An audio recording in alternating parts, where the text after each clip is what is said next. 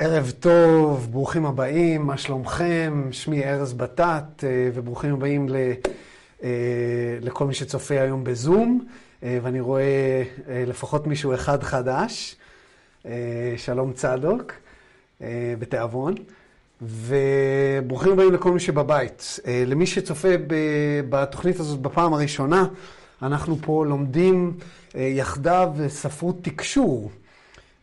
משנות ה-80, מתחילת שנות ה-80, שנקראת The Raw Material, החומר של רע עם א', שנעשתה דרך מידיום שנקראת קרלה, בחורה שהייתה בטראנס בזמן התקשורת.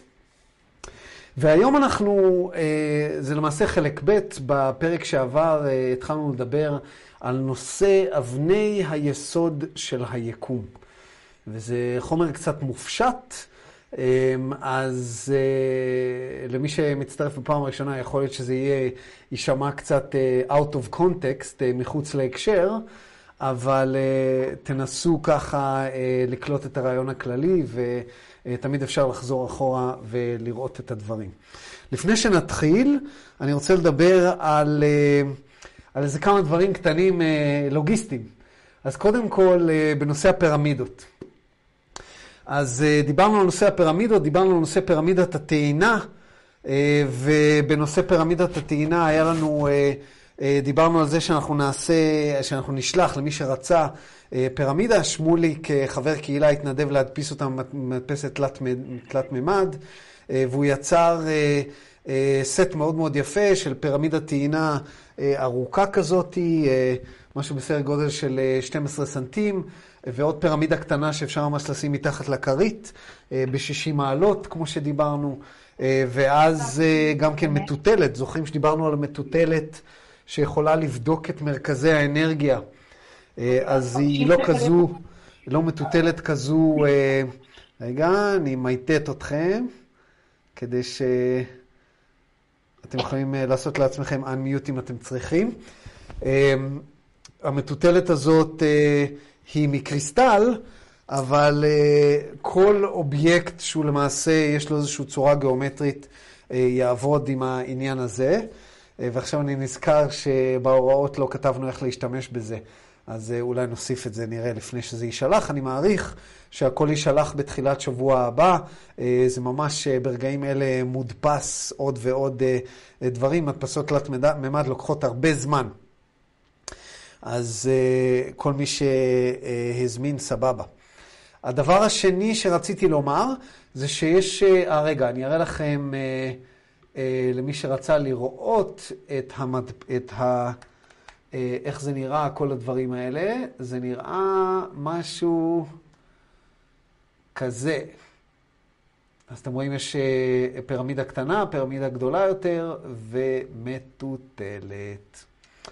אז זה, זה העניין. עכשיו, דבר נוסף שרציתי לומר, זה שיש לנו הזדמנות להיפגש פנים מול פנים. בשבוע הבא, ביום חמישי, זאת אומרת, עוד יום ושבוע, אני אתארח בביתה של חברת קהילה בשם, בשם ליאור, ליאור קסם, שיכולה להכיל עד בין משהו כמו 25 איש ל-30 איש מקסימום בביתה, ואני אעשה שם הרצאה. קצת אינטראקטיבית, זה חומר שרובכם כבר שמעתם, אם האזנתם להרצאות שלי בנושא איך עובד השכל, ונעשה את זה בצורה קצת יותר אינטראקטיבית, וזה תמיד כמובן מזווית אחרת, אז אני מקווה לראות כמה שיותר מכם שמה. ושלחתי בקבוצת חוקרים תודעה בוואטסאפ את ההוראות איך להירשם, העלות היא 50 שקלים, ואני אשלח לכם כמובן כתובת. כשתרשמו, איזה יופי, כבר 24 אנשים, אז הנה אנחנו, אה, אה, שלום מיכאל, איזה יופי. אהלן, הבאת חבר, אני רואה. לעשות מסיבות צפייה זה תמיד דבר טוב. אוקיי, אז אה, איפה אנחנו היום? אני חושב שזה כל הלוגיסטיקה שרציתי, היה עוד משהו? אה, כן, היה.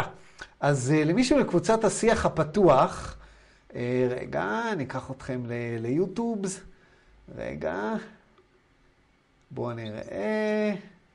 למישהו בקבוצת... ערב טוב, ארז. Good evening. טוב לראות אותך. יש פה חבר, אילי. רגע, אה, סליחה, סליחה, לא הבנתי. מה קורה פה? העברתי ליוטיוב והתחילה המוסיקה. מה אתה אומר, מיכאל?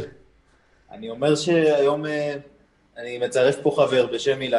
שלום אילי. חבר טוב. כן. שלום, שלום. ברוך הבא. אה, זהו, לנו אחלה שיעור. שיהנה, כן. יופי, יופי, תהנו.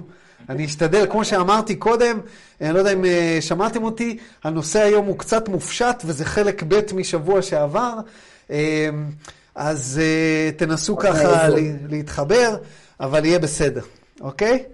אני כן. אשתדל כמה שיותר להכניס אתכם לעניינים. ובשבוע הבא אנחנו נדבר על חייזרים. אה, אנחנו נדבר על אה, אה, כל מיני מפגשים עם חייזרים שקרו בהיסטוריה של כדור הארץ, כשדון ראיין את הוא למעשה שאל אותו על כל מיני... כל מיני מפגשים, הוא רצה לדעת האם זה באמת היה מפגש אמיתי עם חייזרים, או שזה לא היה מפגש אמיתי, והאינפורמציה מאוד מעניינת, והיא לא כל כך מחוברת לכל הדברים שלמדנו עד עכשיו, אז אני חושב שלמי שחדש לעניין זה יהיה, זה יהיה מאוד מאוד מעניין. אוקיי, אז תודה, תודה, וברוכים הבאים לכל החדשים. אמ, הדבר האחרון שרציתי לומר, אז הנה הערוץ יוטיוב של חוקרים תודעה, ואם תלכו uh, לקומיוניטי, קהילה, אתם תראו שיש שם uh, משאל. Uh, איזה תוכנית חדשה תרצו.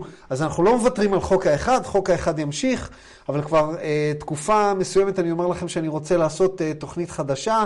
אה, אז מי שלא הצביע עדיין, אה, תלכו לשם ותצביעו, וגם מי שצופה ביוטיוב. אה, יש דמות שעוד לא פגשתם, שנקראת עובדיה בתת, פגשתם את עובדיה אלשיך, פגשתם את ארז בתת, ואת עובדיה בתת וארז אלשיך עוד לא פגשתם. ארז אלשיך לא רוצה להיחשף, הוא קצת ביישן, אבל עובדיה בתת כבר מנג'ס לי הרבה זמן שאני אתן לו איזושהי תוכנית, אז תצביעו שם. אמ, ונראה שרובכם רוצים שהמעט עובדיה אלשיך אה, יחזור גם אה, וירביץ תורתו, אז אה, כנראה שזה גם מה שיקרה. סביר להניח שאני אבחר שתי תוכניות, אז למי שלא הצביע, תלכו להצביע, ואני אשלח את זה גם בקבוצת השיח הפתוח.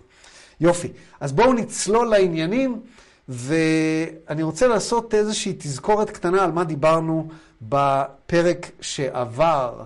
אז בפרק שעבר התחלנו עם הנושא המופשט על זה של, אה, של איך עובד היקום.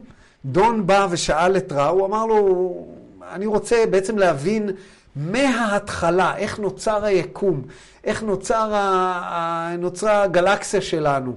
אבל עוד לפני כן, איך זה התחיל בכלל? מה מרכיבי היקום? ורע אה, הסביר, אה, הסביר לו שלמעשה הצעד הראשון היה אינפיניטי, אין סוף. היה איזשהו, הוא אומר לו, the first known thing in creation is infinity. אה, איך אפשר ליצור אין סוף? מה זה אין סוף? הוא אומר לו, oh, the infinity is creation, האין סוף זה יצירה. ומתוך זה נוצר משהו, נוצר אה, משהו שנקרא אהבה, אהבה אינסופית שהיא למעשה גם אינטליגנציה, אהבה זה דבר אינטליגנצי, אינטליגנטי, זאת אומרת שאהבה זה לא מה שאנחנו מכירים כרגש, אלא אהבה היא איזושהי אנרגיה מסוימת. אה, איזשהו, אה, איזשהו משהו שאפשר ליצור ממנו משהו, ואנחנו נבין את זה עוד יותר לעומק אה, בהמשך. הוא גם משתמש במושגים כמו לוגוז, אה, לוגוז ב, אה, ביוונית זה מילה, וזה כבר רומז לנו פה משהו, שהיקום כולו נוצר בעזרת המילה. יש בנצרות, בספר ג'ון, בספר יונתן בעברית, בפרק אחד, פסוק אחד, אומר, In the beginning there was the word, and the word was with God, and the word was God. בהתחלה הייתה מילה, אה, והמילה הייתה עם האלוהים, והמילה הייתה אלוהים. לא מתכוונים שהמילה הייתה המילה אלוהים, אלא שהמילה עצמה היא האלוהות. אנחנו יוצרים את המציאות בעזרת המילה, וכולכם, אני בטוח, שמעתם את הדבר הזה. תחשבו חיובי, יהיה חיובי, תחשבו שלילי, יהיה שלילי. ואנחנו יוצרים מציאות בעזרת המילים שיוצאות לנו מהפה, והדבר הזה מאוד מאוד נכון. ולמי ששומע את ההרצאות שלי בנושא הזמן, גם יודע שבלי מלל מחשבתי, היגיון, מלשון הגיה, אין זמן. ובלי תפיסת זמן, הרי בלי שיעבור זמן, זאת אומרת, המלל המחשבתי יוצר את תפיסת הזמן, וזה לא רע, זה ארז, ובלי תפיסת זמן, אין למעשה תפיסת מציאות למעט ההווה. זאת אומרת שהכל קורה בעת ובעונה אחת, אין תודעה עצמית, אוקיי? והנושא של התודעה העצמית זה גם משהו מאוד מאוד חשוב שרד דיבר עליו בפעם שעברה, כי הוא אמר שהאינפיניטי הזה, אה, למעשה האין סוף הזה, נהיה מודע לעצמו על ידי משהו שנקרא freedom of will. אה, והייתה איזושהי תודעה עצמית כזאת, שהיא למעשה בחירה חופשית. והוא שייך את זה למושג שנקרא Intelligent Infinity, שאנחנו נדבר עליו היום יותר לעומק, אני מקווה שנגיע לזה, להגדיר את הרעיון של Intelligence, את הרעיון של אינטליגנציה. מה זה אינטליגנציה? מישהו שאל את זה בקבוצת השיח הפתוח, וככה הקדמתי את המאוחר, שלחתי לכם את, ה, את השאלה והתשובה של רב, ואנחנו נעבור על זה היום. הוא דיבר על זה, דיברנו על זה בפרק שעבר, שהיקום הוא הולוגרפי. מה זה הולוגרפי? משהו שהוא הולוגרפי הוא משהו שהוא משוכפל מתוך עצמו שוב ושוב ושוב ושוב ושוב. זאת אומרת, כל דבר מכיל הכל, והכל מכיל כל דבר. זאת אומרת שגם, אנחנו רואים את זה גם ביקום, שכל דבר למעשה אה, בנוי מאנרגיה של שני הפכים. ואיך אמר קרל יונג? Everything is a result of an energy between, a tension between two opposites. אני עושה paraphrasing כמובן, לא זוכר בדיוק את, אה, את, המיל, את המלל שבו הוא השתמש, אבל משהו בסגנון הזה, אני זוכר ש-tension between two opposites, אני כמעט בטוח שזה היה ממש המילים, וזה נכון, אנחנו רואים את זה באטום, אנחנו רואים את זה בשכל, שתי האונות, אה, במוח, סליחה, אנחנו רואים את זה בשכל, שדיברתי על הסוכל והסוכלת, אנחנו רואים את זה אה, בניסויים, אנחנו רואים את זה ביצירה, ביצירה. אי אפשר ליצור משהו בלי זכר ונקבה, אי אפשר, זה בלתי אפשרי, ו, אה, וכן הלאה וכן הלאה. אז הכל למעשה אה, אה, משכפל את עצמו, יש איזושהי תבנית, תבנית בריאה שמשכפלת את עצמה בכל מקום, והתבנית הזאת בקבלה, דרך אגב, נקראת עץ החיים. גם שם אנחנו רואים את האיזון בין שתי ההפכים. בקבלה שתי ההפכים מוגדרים בדימוי דימוי מוחשי של אש ומים, אש זה הזכרי, מים זה הנקבי, בעץ החיים זה חוכמה ובינה, חוכמה זה אש, בינה זה מים, אה, מים חיים, בינה גם נקראת חיים, וכן הלאה וכן הלאה. זאת אומרת, התבנית הזאת חוזרת בכל מקום, והיקום הוא הולוגרפי, וציינתי ספר שנקרא The Holographic Universe. אה, ואז למעשה אה, דון ניסה להבין איך נבנו הגלקסיות, ורע אמר לו שהוא קצת הקדים את המאוחר, בגלל מה שקרה לפני כן, שהאינטליגנציה האינסופית נהייתה uh, ייחדה את עצמה מעצמה. זאת אומרת שהיא התפרסה לכל מיני דברים שהם מוגדרים בפני עצמם. והדבר הזה זה דבר מאוד מאוד חשוב, ואני רוצה קצת לחזור עליו, בגלל שזה למעשה הבסיס של מכניקת הקוונטים, של תורת הקוונטים. שבכל עת נתונה, מה זה אומר שיש אינטליגנציה אינסופית? זה אומר שיש אופציה אינסופית, הנושא הזה של הבחירה הטבעית. אני יכול עכשיו לעשות מה שאני רוצה. אני יכול להגיד איזה מילה שאני רוצה מפי. אני יכול לקום וללכת. אני יכול, מה, מה שאני רוצה, וכולכם יכולים לעשות מה שאתם רוצים. יש לכם בחירה חופשית. יש דברים שאתם תבחרו לא לעשות, כי ההשלכות שלהם יהיו מאוד מאוד משמעותיות, אבל בכל עת נתונה הכל אפשרי. עד שהוא מתממש, עד שהוא נהיה הווה. היי, האם אני אה, אה, אעזוב את הפירמידה הזאת ואתן לה ליפול? יש כל מיני אופציות. אה, אתם יכולים לנחש אם אני אעשה את זה או לא אעשה את זה. אני כבר החלטתי אם אני אעשה את זה או לא אעשה את זה. אבל אתם לא יודעים, ואולי אני גם אשנה את דעתי. זאת אומרת שגם אם החלטתי, כל עוד לא עשיתי, עדיין יש אופציה שזה ישתנה. ו... אמ, וזה באמת אה, דבר שמבחינה קוונטית הוא עדיין פוטנציאל. אבל ברגע שעזבתי אותה, או לא עזבתי אותה, ולא עזבתי אותה, אבל עכשיו כן עזבתי אותה, וגם תפסתי אותה, וגם תכננתי קודם לתפוס אותה, ובמקרה כן הצלחתי לתפוס אותה, והייתה אופציה שאני לא אצליח לתפוס אותה, כל האופציות קיימות, אבל ברגע שזה קרה, זה כבר קרה. ואי אפשר לשנות את מה שקרה, וזה גם תועד. אז אותו דבר פה. אותו דבר פה, אי אפשר לשנות את ההווה. ברגע שההווה מתממש, הוא נהיה כבר הווה, ואנחנו רואים את זה גם בתורת הקוונטים. כאשר יש צופה ויש איזשהו ניסוי, והמדענים ככה מגרדים בראש ואומרים, רגע, אני לא מבין, אני לא מבין, איך זה יכול להיות שהצופה יכול להשפיע על הניסוי? בתורת הקוונטים אנחנו רואים שכאשר אה, אה, הצופה, המדען, אה, מסתכל על, ה, על הגל של האור, והוא רואה, כאשר הוא מסתכל לראות אם הגל של האור נשאר גל, אז הגל נשאר גל, וכאשר הוא מסתכל לראות אם הוא הפך לחלקיק, אז הוא הפך לחלקיק. איך החלקיק של האור, הפוטון, יודע איפה המדען יסתכל? זה לא הגיוני. אבל זה כן, למה? בגלל שהכל קיים בעת ובעונה אחת, כמו שרע אומר בשאלה 13-11, at the point of question, simultaneous and infinite.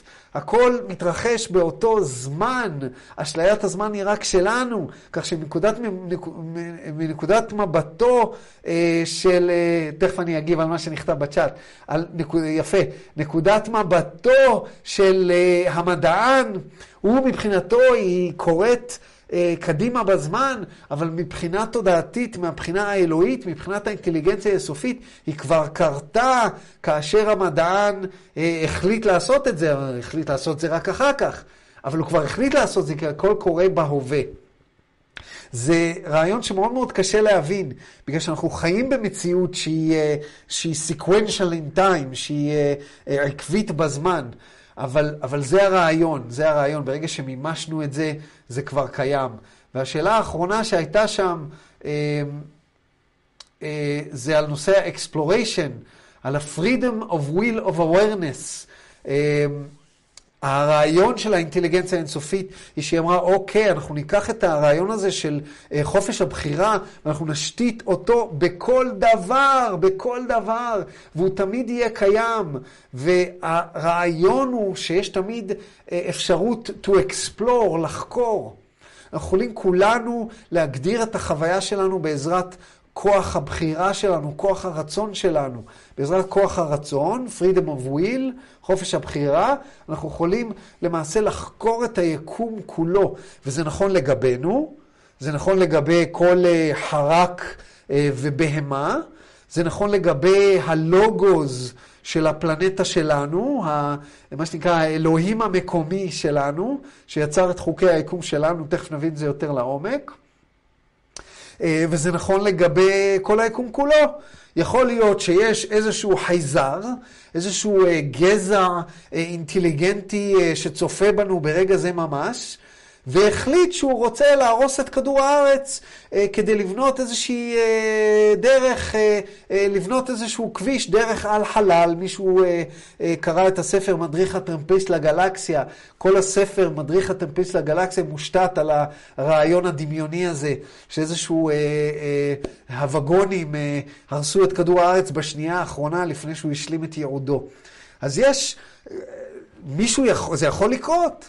זה יכול לקרות בשנייה זו ממש, זה מפחיד קצת לחשוב על זה, אבל בשנייה זו ממש, אה, פוטין יכול להחליט שהוא לוחץ על הכפתור, אה, ולפני סוף התוכנית כולנו נתאדה, האטמוספירה של כדור הארץ תתאדה, ותתחיל מלחמה גרעינית והיא תתאדה, וכולנו ניעלם, אה, וכבר לא יהיה אטמוספירה. ולמעשה בקבלה נרמז, ובספרות התקשור נאמר, שזה בדיוק מה שקרה במאדים. שבמאדים אה, היו אנשי מלחמה. גם הוויברציה של מאדים היא ויברציית מלחמה, למי שמכיר אה, אסטרולוגיה. הכל, הכל מתקשר להכל. חופש הבחירה הוא פונדמנטלי, הוא תמיד קיים. הוא לא משהו, הוא משהו מעבר לכל דבר. בן אדם יכול לשים לכם אקדח לראש ולהכריח אתכם לעשות הכל, אבל הוא לא יכול להכריח אתכם לרצות לעשות אותו, אוקיי? זה בנוי מה שנקרא built in לאבן היסוד של היקום, אה, לפחות ב, אה, ב, ביקום המוכר לנו, בסדר? וחשוב גם להדגיש שאבן היסוד, דיברנו על זה שאבן היסוד של, ה, של היקום היא אהבה, אהבה אה, לא כמושג מופשט שהוא רגש, אלא כאינטליגנציה אינסופית שיכולה לשכפל את עצמה עד אינסוף, שנחווית תמיד בהווה, אה, ובעזרתה ניתן לעשות הכל. ולמעשה, כשאתם חושבים על זה, האהבה זה למעשה מה שמגדיר מה שאתם רוצים. אה, תמיד יש לנו איזשהו רצון, איזשהו משהו שאנחנו נמשכים אליו. כמו שפרויד תמיד אמר, שהשכל עושה דבר אחד בלבד, או הולך לכיוון משהו שאנחנו נמשכים אליו, או הולך אחורה ממשהו שדוחה אותנו. אה, אז אה, למעשה זה הכוח היחידי שקיים, וגם פה אני paraphrasing. בסדר? אז בואו נמשיך הלאה ונראה לאן זה הולך אה, בדיון המופשט הזה שדון עשה עם, עם רע וניסה להבין איך עובד היקום. אנחנו בשאלה 13.13, אבל לפני כן בואו נראה מה היה בצ'אט. So, רינת שואלת, So infinity was always there from the time without beginning and without end, בדיוק. בדיוק, בקבלה זה נקרא אור אין סוף. למרות שאם אתם מסתכלים על זה כאור אין סוף בקבלה, אה, אור אין סוף אה, למעשה אה, הוא, יש פה אנשים שצופים ברגע זה ממש, כולל מישהי שצופה בי ברגע זה ממש, שאני חושב שהידע שלה בקבלה גדול משלי, ותוכל להגיד לי את המושגים הספציפיים. אה, אבל אה, הרעיון בקבלה מתחיל, די מתחיל מהאור, שלו יש כלי קיבולת. בשבוע שעבר אה, השווינו את זה לחומר של רע, אבל כן, הרעיון הוא שהאין סוף, האור אין סוף, זאת אומרת האור נוצר מהאין סוף. זה האור של האין סוף. האין סוף בא, בא, למעשה, בא למעשה קודם, בסדר? אמ, אז המילה תקווה הופכת למדעית לפי התיאוריה. כן, בדיוק, בדיוק, בגלל שהכל אפשרי. ולכן אף פעם, אף פעם אל תאבדו תקווה, אל ייאוש. אל ייאוש. אה, זו מילה שלא לא צריכה להיות בלקסיקון, כמו שאבי אמר לי פעם בתבונתו. אוקיי, בואו נמשיך לשאלה, אמ, מה זה Active Hope, Passive Hope? אה, טוב, זה כבר אה, התפלספות שאולי ניכנס אליה אחר כך. אופס, אופס, אופס. טוב, 13.13. שואל דון, was the galaxy that we're in created by the infinite intelligence? Or was it created by a portion of the individualized infinite intelligence? אז הוא שואל פה, אוקיי, אז הסברת לי על ה-infinite intelligence הזה שעשה אינדיבידואליזציה לעצמו. אז אם ה-infinite intelligent הזה עשה אינדיבידואליזציה גם לגלקסיה שלנו, או שיש איזשהו צעד ביניים. הוא מנסה להבין את, ה, את הסדר של הדברים. ורע עונה, I'm Ra, the galaxy and all other things of material of which you are aware are products of individualized portion of intelligent infinity. אומר לו, למעשה הגלקסיה, ולמעשה כל דבר שהוא מבחינתך חומר, כל דבר שאתה מרגיש אותו כחומר, כל דבר שהוא, שהוא קיים מבחינת, מבחינתך כאיזשהו אלמנט יסוד שהוא sequential in time, שיש לו progression, הוא למעשה נוצר על ידי חלק מסוים, individualized portion, חלק אינדיבידואלי של ה-intelligent infinity. זאת אומרת שה-intelligent infinity שהייתה מודעת לעצמה, האור אינסוף הזה לא יצר חומר. הוא יצר איזשהו חלק, וחלק מסוים החליט ליצור חומר. ורב ממשיך. As each exploration began, it in turn focus, uh, found its focus and became co-creator. Using intelligent infinity, each portion created an universe and allowing the rhythms of free choice to flow, playing with the infinite spectrum of possibilities. Each individualized portion channeled the love light into what you may call intelligent energy, musag chadash, thus creating the so-called natural laws of any particular universe. הוא אומר לו בעצם, לא, היה צעד מקדים. היה כל חלק מה, כמו שאמרנו, במחשוב, אה, שיש אה, virtual computing, כל מחשב קוונטי משני של ה-intelligent infinity הזה, אני משתמש פה כדימוי, למרות שאפשר לומר שהיקום הוא למעשה מחשב קוונטי. אה, ניתן לומר, מי שרוצה, כי זה רק שם. אבל, זאת אומרת, זה מחשב שאנחנו לא מסוגלים לבנות, אבל זה עדיין מחשב, כי הוא עדיין מחשב, הוא עדיין חושב. אז כל מחשב קוונטי כזה אה, עשה חקירה ובתורו מצא איזשהו פוקוס, איזשהו משהו שהוא רוצה אה, לחקור, ובהתאם יצר איזשהו יקום, יקום משלו, יקום מלשון הקמה. אה, בואו נבדוק רגע את האטימולוגי של המילה יקום, זה מעניין אותי. אה, אני חושב שעשיתי את זה בעבר, אבל אני לא זוכר מה, אה, מה, ה, אה, מה התשובה, וזה מאוד מעניין אותי. למה? האטימולוגי, האטימולוגי זה שורש המילה. שורש המילה תמיד מלמד אותנו משהו, כי אנחנו לוקחים מילים כמובנות מאליהם. אנחנו לוקחים את המילה, אני יודע, את המילה לוגוז, לוגיקה, לוגיק, לוג'יק, אה, it's making sense, uh, it's logical. מה זה לוגיקה? לוגיקה זה מילה, זה מלל, בא ממילה לוגוס, כמו שאמרנו. אותו דבר פה, אז האטימולוגיה של uh, מילה מסוימת, שורשה, תמיד עוזר לנו להבין אותה. אז המילה יוניברס מגיעה מהמילה הלטינית יוני, שזה one כמובן, um, ו... from old French. יוניברס. מה זה ורס? בואו נראה. יוניברס, לטין, אולד פרנץ'. רגע.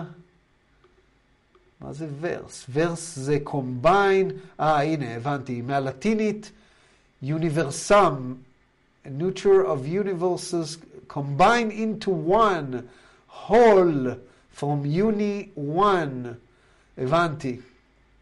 אז ורס זה one, בואו ננסה ורס אטימולוגי.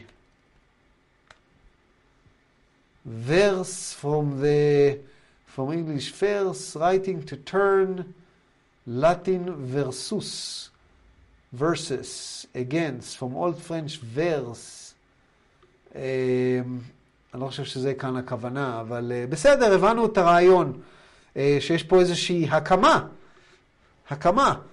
אמ, להפוך משהו למשהו שהוא אחד, בסדר?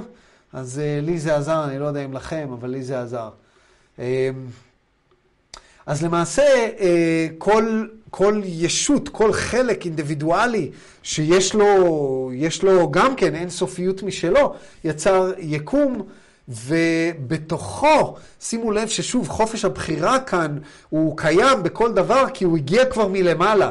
הוא, כמו שאומרים באנגלית, grandfathered in. זאת אומרת, הוא הגיע בתורשה. זה לא משהו ש... ש... ש... ש... זאת אומרת, בכל יקום הוא קיים. אמ, ואז אפשר לשחק אותה ישות, אותו co-creator, יוצר נוסף. יוצר מקביל, זאת אומרת שיש כמה יוצרים, כולם בסופו של דבר אה, אלוהים אחד, אבל כל יוצר יצר יקום משלו. אמ, וזה כמו שכל, אה, אה, שכל, שכל זוג יוצר משפחה משלו.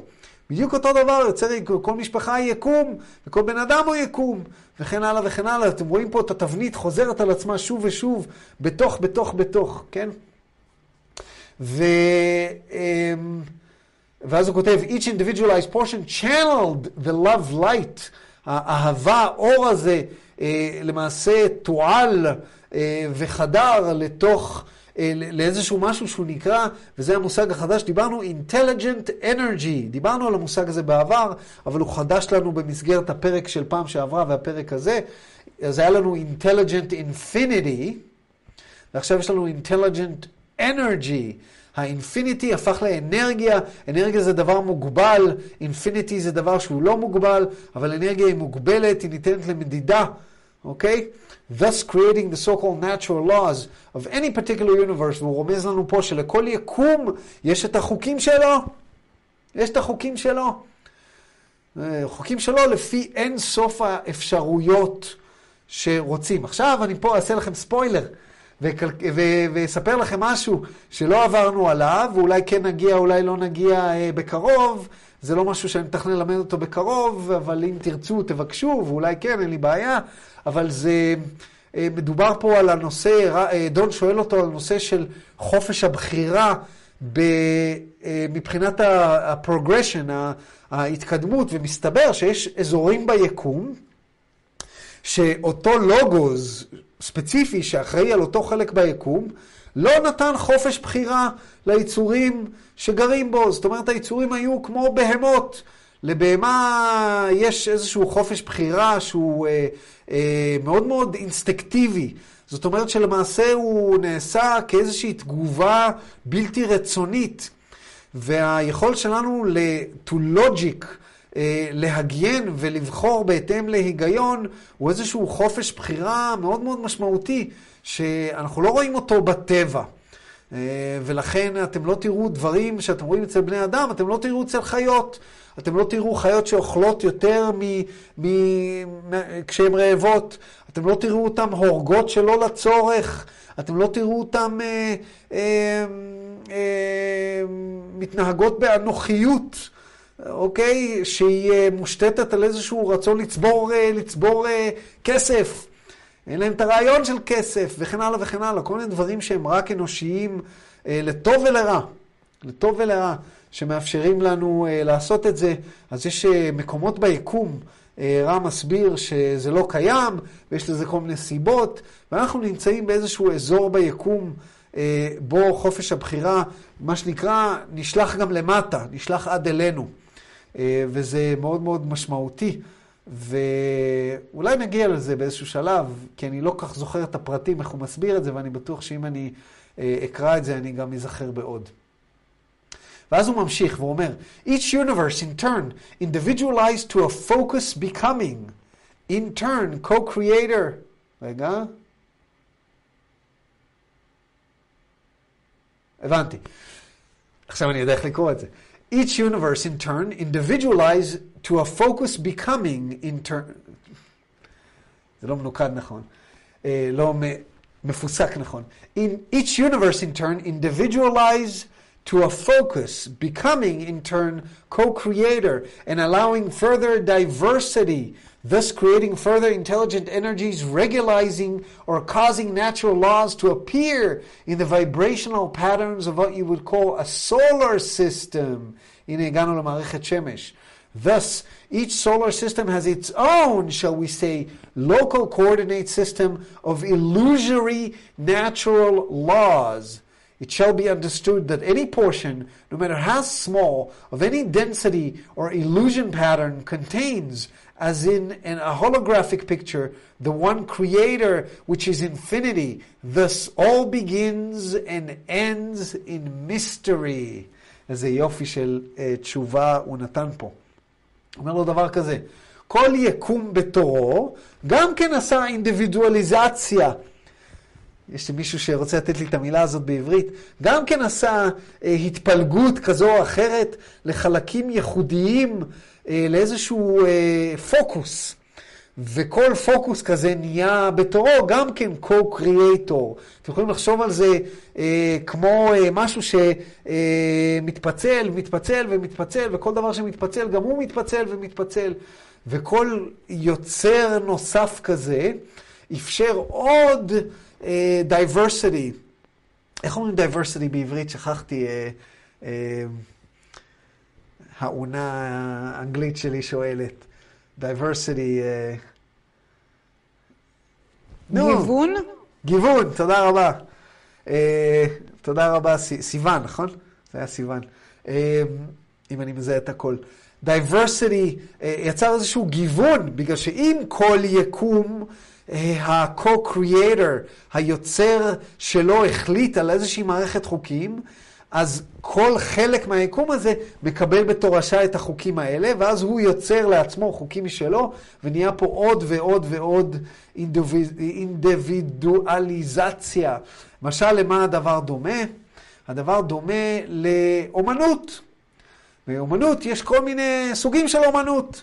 אז יש עולם שלם, יקום שלם של אומנות הציור, ויש עולם שלם של אומנות הפיסול, ועולם שלם של אומנות הכתיבה, ועולם שלם של אומנות זו ואחרי שירה, וכן הלאה וכן מוסיקה, וכן הלאה וכן הלאה. אבל כל אומנות כזאת, יש כל מיני סוגים משלה. וכל אומנות, לדוגמה בעולם המוסיקה, כל אומנות כזאת לוקחת, לוקחת למעשה מה, אה, מלמעלה בתורשה את חוקי המוזיקה, אוקטבה, את תווים, אה, אני לא אה, מוזיקאי, אז אני לא, לא יודע להגיד את המילים הנכונות אולי, ופיץ', טמפו, כל הדברים האלה, אבל יש כל מיני סוגים של מוזיקה, וכן הלאה וכן הלאה. אותו דבר כאן, זה, זה הדימוי שעולה לי בראש. ואז הוא ממשיך ואומר, שלכן כל יקום יצר אינטליג... אה, אנרגיה אינטליגנטית שגורמת לחוקים האלה להופיע בוויב... בתבניות של ויברציה. Okay? אוקיי? שימו לב למילים האלה, תבניות של ויברציה שחוזרות על עצמם, ותבניות הוויברציה האלה, הוא קרא להם מערכות שמש. למה מערכות שמש? למה הוא לא קרא לתבניות הוויברציה הזאת אה, גלקסיה? כי השמש עצמה היא זו שנותנת את החיים, השמש היא הלוגוס, ואנחנו נדבר על זה. והוא אומר, לכן, כל מערכת שמש יש לה איזשהו אה, קואורדינציות אה, לוקאליות משלה של איזושהי פרספקטיבה אחרת של חוקי טבע אה, אשלייתיים משלה. הרי כל המציאות החומרית היא אשליה. ובכל מערכת שמש יש חוקי טבע אחרים, וזה גורם לנו להבין שאם נוכל יום אחד להגיע למערכת שמש אחרת, יכול להיות שיהיה בכלל חוקי טבע אחרים לחלוטין. זה יכול להיות מאוד מאוד מעניין. זאת אומרת, אנחנו צופים, המדענים האסטרו, האסטרופיזיקאים, צופים במערכות שמש אחרות ומסיקים שחוקי הטבע שם זהים, ואולי לא, אולי הם לא זהים. וכשנדבר בשבוע הבא על חייזרים, וכל מיני חזרים שביקרו או לא ביקרו בכדור הארץ, אתם תראו עד כמה חוקי הטבע אה, במקומות אחרים שונים. אה, ואז הוא מוסיף, אבל צריך להבין שכל, וזה התוספת הכי חשובה שאני כל הזמן מדגיש לכם, והוא מדגיש שכל חלק של היקום, כל חלק, הכי קטן, הכי קטן, הוא למעשה מכיל בתוכו, ש, של כל דבר, של כל מימד באשר הוא, ושל כל משהו שהוא אשלייתי, כל חלקיק וחלקיק, מכיל בתוכו, כיאות, למשהו שהוא הולוגרפי, את היוצר האינסופי בעצמו, שהוא למעשה אינסוף הזה שדיברנו עליו. זאת אומרת, למעשה, לכן כל דבר ומתחיל במסתורין, במסתורין. Everything is rooted in mystery, everything begins and ends in mystery. למה? כי אנחנו לא יודעים מה קרה לפני האינפיניטי. אנחנו לא יודעים מי היוצר שיצר את האינפיניטי. אז אם יש בינינו אנשים אה, דתיים שמתפללים לאלוהים, ושואלים את עצמם, רגע, אז לאיזה אלוהים אני מתפלל? ליוצר האינסופי הזה, שיצר את הכל, את הכל, גם את האינפיניטי? או שאני מתפלל לאלוהים המקומי? או שאני מתפלל לאלוהים הזה שיצר את האדם על פני כדור הארץ, לפי חוקי הטבע שיש לנו כאן. שזה דרך אגב, רע מדבר על זה, על יצירת האדם. והוא אומר בדיוק מה קרה שם, כל מיני דברים מאוד מאוד מעניינים, גם נגיע אליהם. אוקיי, הרי אתם יודעים שבקבלה כתוב, שלא במילים האלה, שהדי, שהאדם תוכנת, שה-DNA שלו תוכנת על ידי איזשהו אלוהים. אה, זה גם מופיע בעשרות, עשרות מקורות, זה פשוט מדהים איך מכל מקור אתה, אתה, אתה, אתה מבין שה-DNA של האדם על פני כדור הארץ, אה, מישהו התעסק איתו. מישהו התעסק איתו, איזושהי ישות התעסקה איתו. וזה טוען כמובן גם את סיפור הבריאה. אז למי אני מתפלל? אם אני אדם מאמין, למי אני מתפלל? וזה דרך אגב שאלה ששאלתי את עצמי כאדם רוחני. אה, הייתה לי תקופה שהייתי אתאיסט גמור, ואז עברתי איזושהי התעוררות רוחנית והחלטתי, אוקיי, אז אם יש, אם יש יוצר, למי אני מתפלל? למי אני מתכוון שאני אומר אלוהים?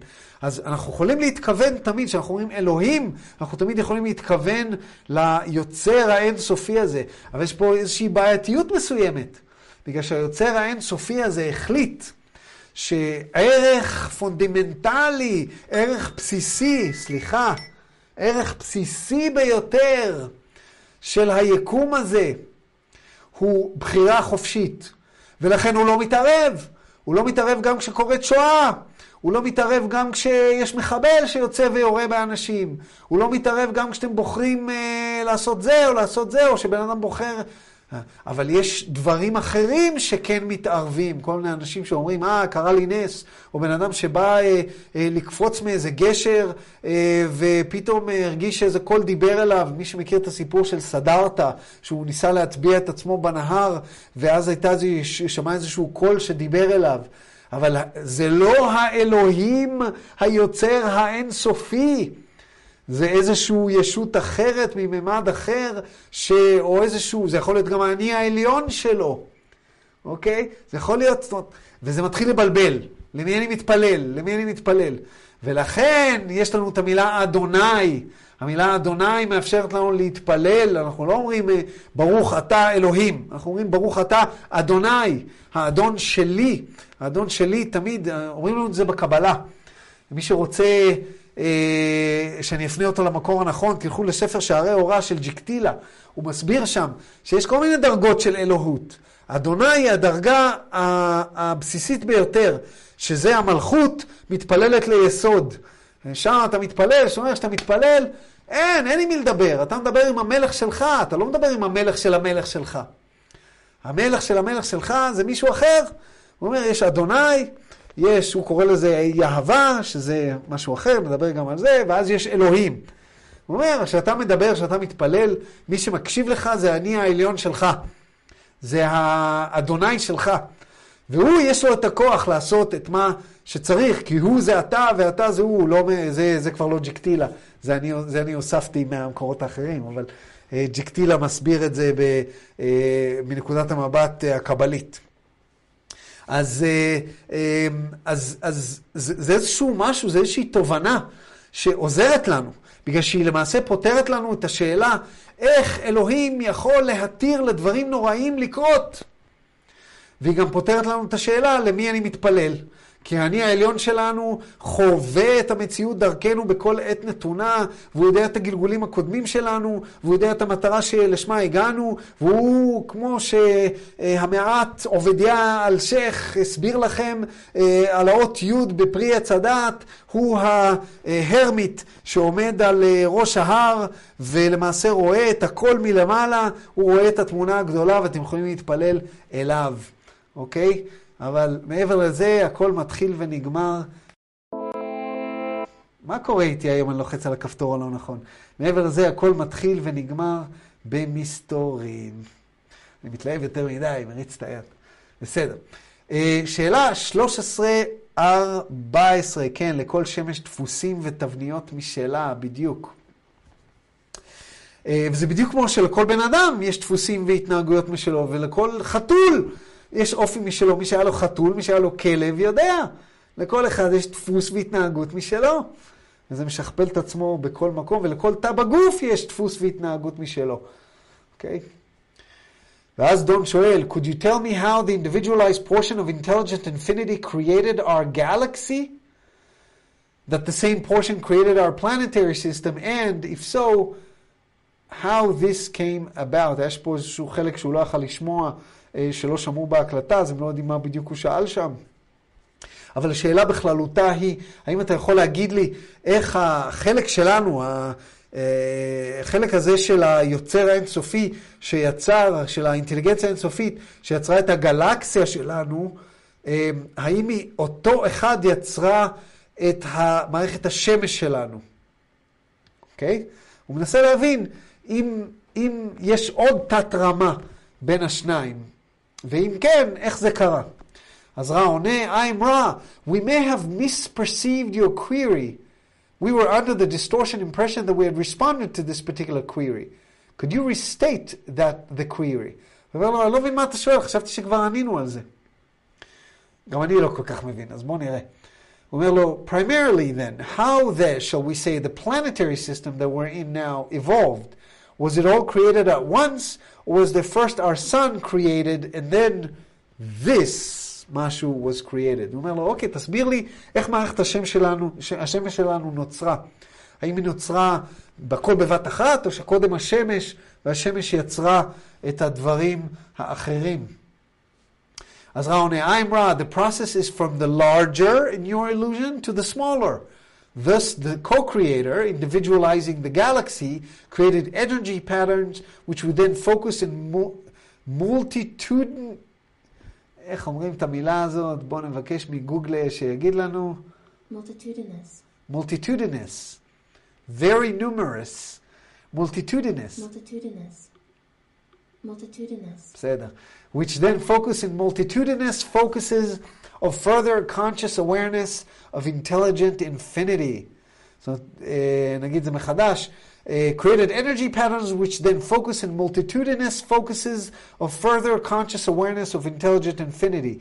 Thus, the solar system of which you experience inhabitation is of its own pattern, rhythms, and so called natural laws, which are unique to itself. However, the progression is from galaxy spiraling energy to the solar spiraling energy to the planetary spiraling energy to the experiential circumstances of spiraling energy, which begin the first density of awareness or consciousness of planetary entities. אז הוא ענה ולא ענה. הוא אמר לו שהסדר של היצירה הוא מהגדול לקטן. זאת אומרת שה-co-creator,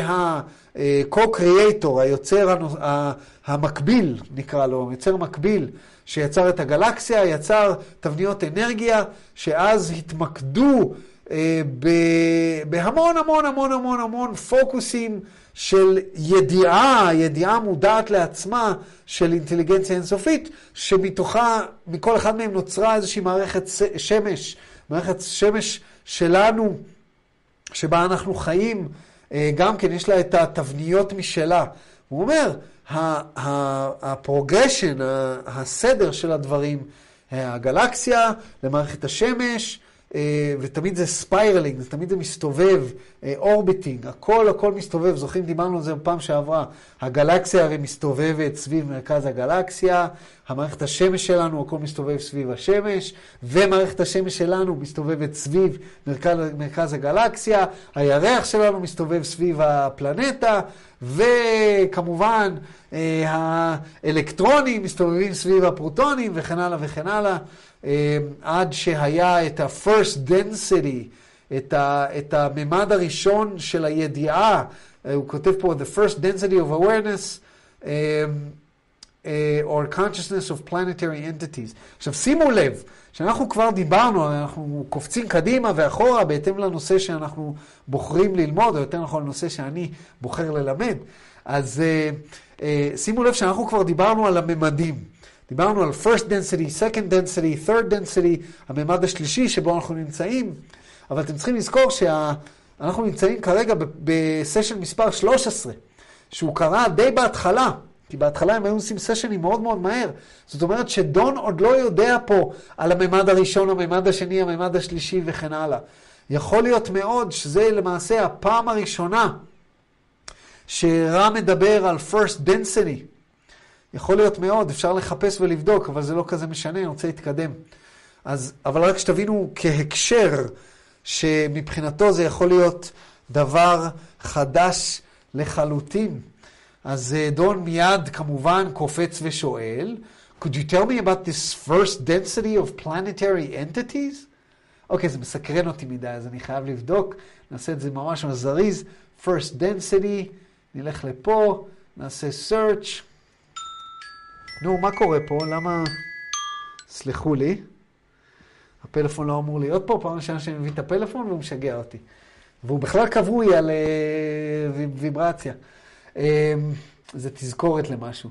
first density, בואו נראה, נעשה phrase. אתם רואים, אם אתם מחפשים first density, הוא ייתן לכם, כל פעם שאתם מחפשים משהו בהערה מטריאל, הוא ייתן לכם את כל המקומות שכתוב first ואת כל המקומות שכתוב density. אבל אתם יכולים ללחוץ פה על all, שהוא ייתן לכם רק מקומות ששתי המילים כתובות, או על phrase, הביטוי.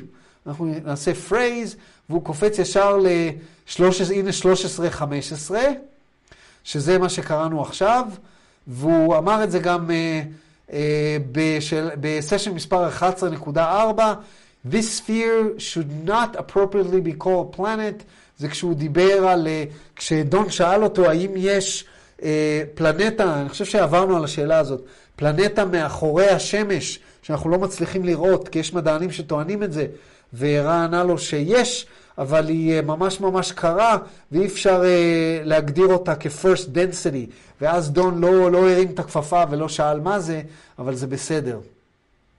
אז הנה, אה, פה הוא כן שואל, הוא אומר, could you tell me about this first density of planetary entities? ואז רע עונה, I am Ra, each step re- recapitulate intelligent infinity in its discovery of awareness. In a planetary environment, all begins in what you would call chaos, energy undirected and random in its infinity. Slowly, in your terms of understanding, there forms a focus of self awareness.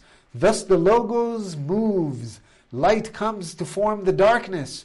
According to the co creator's pattern and vibratory rhythms, so constructing a certain type of experience.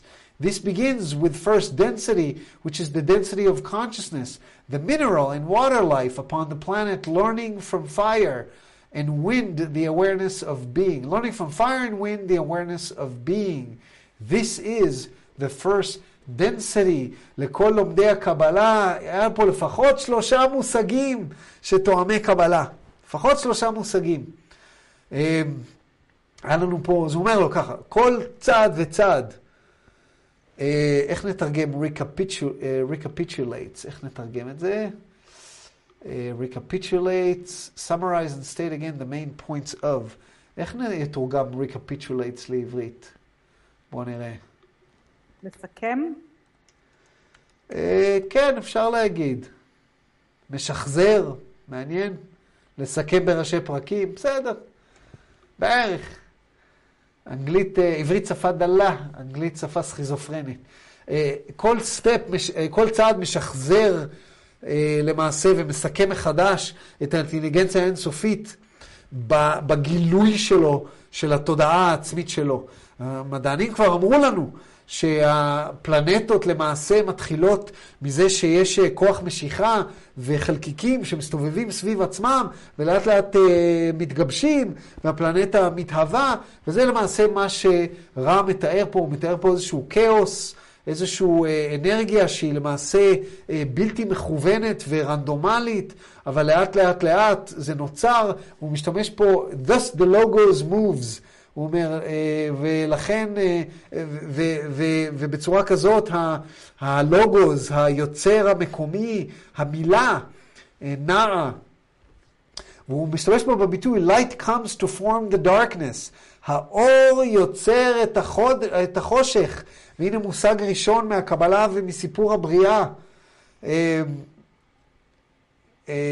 אם אנחנו חוזרים לספר בראשית, ובדרך כלל אני זוכר את סיפור הבריאה בעל פה, אבל עכשיו אני בעונה האנגלית, אז, אז זה, לא, זה לא קופץ לי. אבל האור יוצא למעשה מתוך החושך, אוקיי? אז תחשבו מה זה, אור יוצר חושך, אוקיי? תחשבו על הרעיון. וזה כמובן נוצר לפי התבניות של היוצר באותו מקום. זאת אומרת, הוא יוצר איזשהו סוג של חוויה מסוימת. הוא אומר, זה מתחיל מהממד הראשון, זה הממד של התודעה, הממד של המים אה, על פני כדור הארץ, אה, מים על פני הארץ, זוכרים את המושג הזה מספר בראשית? אז אותו דבר פה, הוא כותב The mineral and water life upon the planet. אה, ש... והוא משתמש במושג מעניין, learning from fire and wind, the awareness of being. אה, זאת אומרת, המינרלים והמים לומדים מהאש ומהרוח. את ה-awareness of being, למה הוא מתכוון. בלי אש ורוח אין אנרגיה פעילה, כי המינרל והמים הם סבילים. האבן היא סבילה, היא לא, שום דבר לא קורה לה, אלא אם כן משהו פועל עליה. המים חוצבים באבן, אבל גם המים, שום דבר, המים סבילים לחלוטין. מים זה למעשה הדבר הסביל ביותר שקיים. המים לא יזוזו לשום מקום, אם אין כוח משיכה. ראיתם מים בחלל? כאילו אין, הם לא, כאילו, אה, אה, המים חייבים שאיזשהו כוח יעבוד עליהם, הם סבילים לחלוטין, הם מתאימים את עצמם לכלי בו הם נמצאים. מה זה הכוח הפעיל? הכוח הפעיל זה אש, והרוח מחליטה מי מנצח, האש או המים. הרוח מניעה את האש, והיא נותנת לו אוויר, אוקיי? Okay? והיא למעשה גורמת לדברים לקרות, וזה כמובן מושג קבליסטי מאוד מאוד מאוד בסיסי בספר יצירה, הרעיון של אש ככוח פעיל, מים ככוח סביל, נלחמים ביניהם, שניים רבים והשלישי מכריע ביניהם, מי זה השלישי? אוויר, שזה למעשה רוח. ורע פה מתאר למעשה את אותו דבר. אז דון שואל, does this first, לחצתי על הכפתור הנכון, כמעט באתי, ואז, does this first density then progress to greater awareness? שימו לב, הוא לא יודע דברים שאנחנו כבר כן יודעים כי למדנו אותם. ורם מסביר, the spiraling energy, אה, סליחה, הוא שואל ב- בעברית, אני אתרגם, האם הממד הראשון הזה מתקדם לתודעה גבוהה יותר? הוא חוקר, הוא תכף יבין מה זה second density וכל הדברים האלה. ורם עונה, the spiraling energy, which is the characteristics of what you would call light, moves in straight line spiral, thus giving spirals an, in, an inevitable vector towards upwards to a more comprehensive beingness with regards to intelligent infinity. Thus, first dimensional beingness strives towards second density lessons of a type of awareness which includes growth rather than disillusion or random change. הוא אמר לנו כבר שזה מתחיל מאיזשהו שינוי רנדומלי. אבל פה רם מסביר לנו שיש רעיון, משהו שהוא מושתת בתוך האנרגיה הזאת שינה. האנרגיה הזאת שינה, כבר דיברנו עליה פעם שעברה. אמרנו שהיא תמיד תמיד תמיד נעה, ויש לה איזשהו, אה, זה כמו כוח משיכה, כל דבר, אה, אה, אה, תודה רבה, והבדל אלוהים בין האור לחושך, זה, ה, זה שלא אה, אה, אה, זכרתי קודם. האנרגיה הזאת, יש לה מה שנקרא אג'נדה משלה. והאנרגיה הזאת מגיעה עוד מקודם, מה-intelligent infinity. זאת אומרת שהיא מושרשת. והאנרגיה הזאת, לא משנה איפה היא נמצאת, ב-intelligent infinity הגדול הזה, או בחלקיק אחד שבתוך הגוף שלכם, יש לה תמיד, תמיד, תמיד רצון לעלות למעלה. היא תמיד, תמיד, תמיד רוצה להגיע לדרגה הבאה. זאת אומרת שהשאיפה אל האור היא מושרשת בתוכנו. ואני ראיתי את זה שוב ושוב ושוב. כמישהו שמלמד תודעה, כמישהו שנמצא אה, באיזשהו מקום שזוכה אה, להעניק לאנשים ידע, ובמקום שזוכה לראות אנשים מתעוררים שוב ושוב ושוב. אני רואה את זה שוב, אנשים יש להם איזשהו מקום שברגע שההתנגדות הזאת, יש אנשים שיש להם התנגדות, לה, אבל, אבל יש משהו שמושך אותם, שמושך אותם. ואז ברגע שזה נפרץ, יש לנו איזשהו אה, רצון, רצון פנימי עצום, עצום להתפתח. אין דבר מהנה יותר מהתפתחות תודעתית. ברגע שאנחנו מבינים שאנחנו יכולים להתפתח תודעתית, וזה בידיים שלנו, אין דבר שמענג אותנו יותר. אני מכיר אנשים שנמצאים באיזשהו שלב התפתחותי, אה, שהכל נפתח להם. שהכל נפתח ופתאום הם אה, לומדים את היכולות, ה, אה, את היכולות הקוונטיות, נקרא לזה, שלהם, את היכולות הרוחניות שלהם. פתאום הם לומדים שהם יכולים לתקשר אולי, או פתאום הם לומדים שיש להם אה, את הסינכרוניזציה הזאת, את ה-serendipitousness.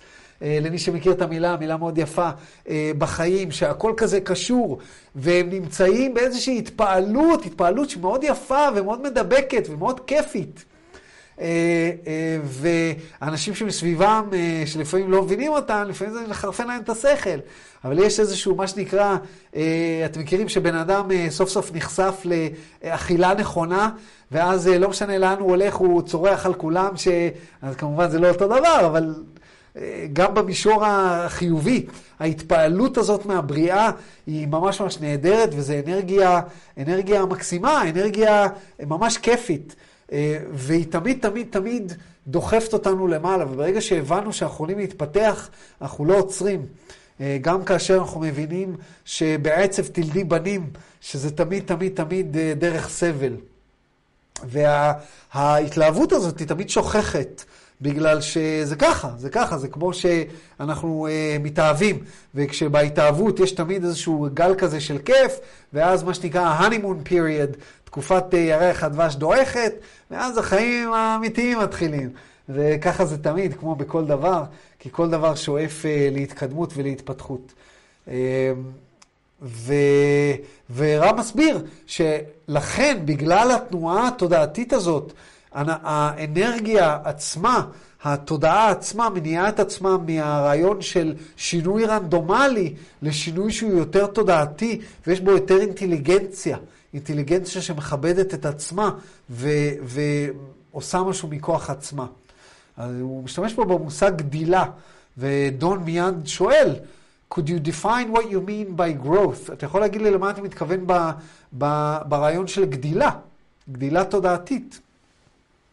ורע אומר, I'm Ra, picture if you will, the difference between first vibrational mineral or water life and the lower second density beings, which begin to move about within and upon its being. This movement is the characteristics of second density, the striving towards the light and growth. זה בדיוק מה שהסברתי עכשיו. הוא אומר לו, תדמיין את ההבדל בין מינרל, אבן, לבין איזשהו אה, משהו שהוא אה, אה, בבסיס של, אה, אה, בבסיס של אה, אה, second density, של הממד השני. אה, אני אקריא את השאלה והתשובה הבאים, ואז אתם, אה, ואני אחבר אותם בתרגום. אה, דון שואל אותו, למה אתה מתכוון אה, בשאיפה הזאת לכיוון האור? By striving towards light, what do you mean?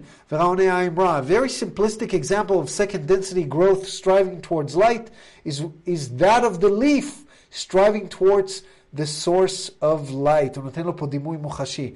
מה הרעיון? הרעיון שהחל מהממד השני, שזה צמחים וחיות וכן הלאה וכן הלאה, יש לנו איזושהי שאיפה אל האור. וכשדון שואל אותו, תן לי דוגמה לשאיפה אל האור, הוא נותן לנו דוגמה של העלה של השמש שתמיד מניע את עצמו לכיוון האור. זאת אומרת, הוא נותן לו להבין שהדבר הזה מושרש גם בצמח, שלכאורה, הצמח הכי פשוט, שלכאורה אין לו מוח.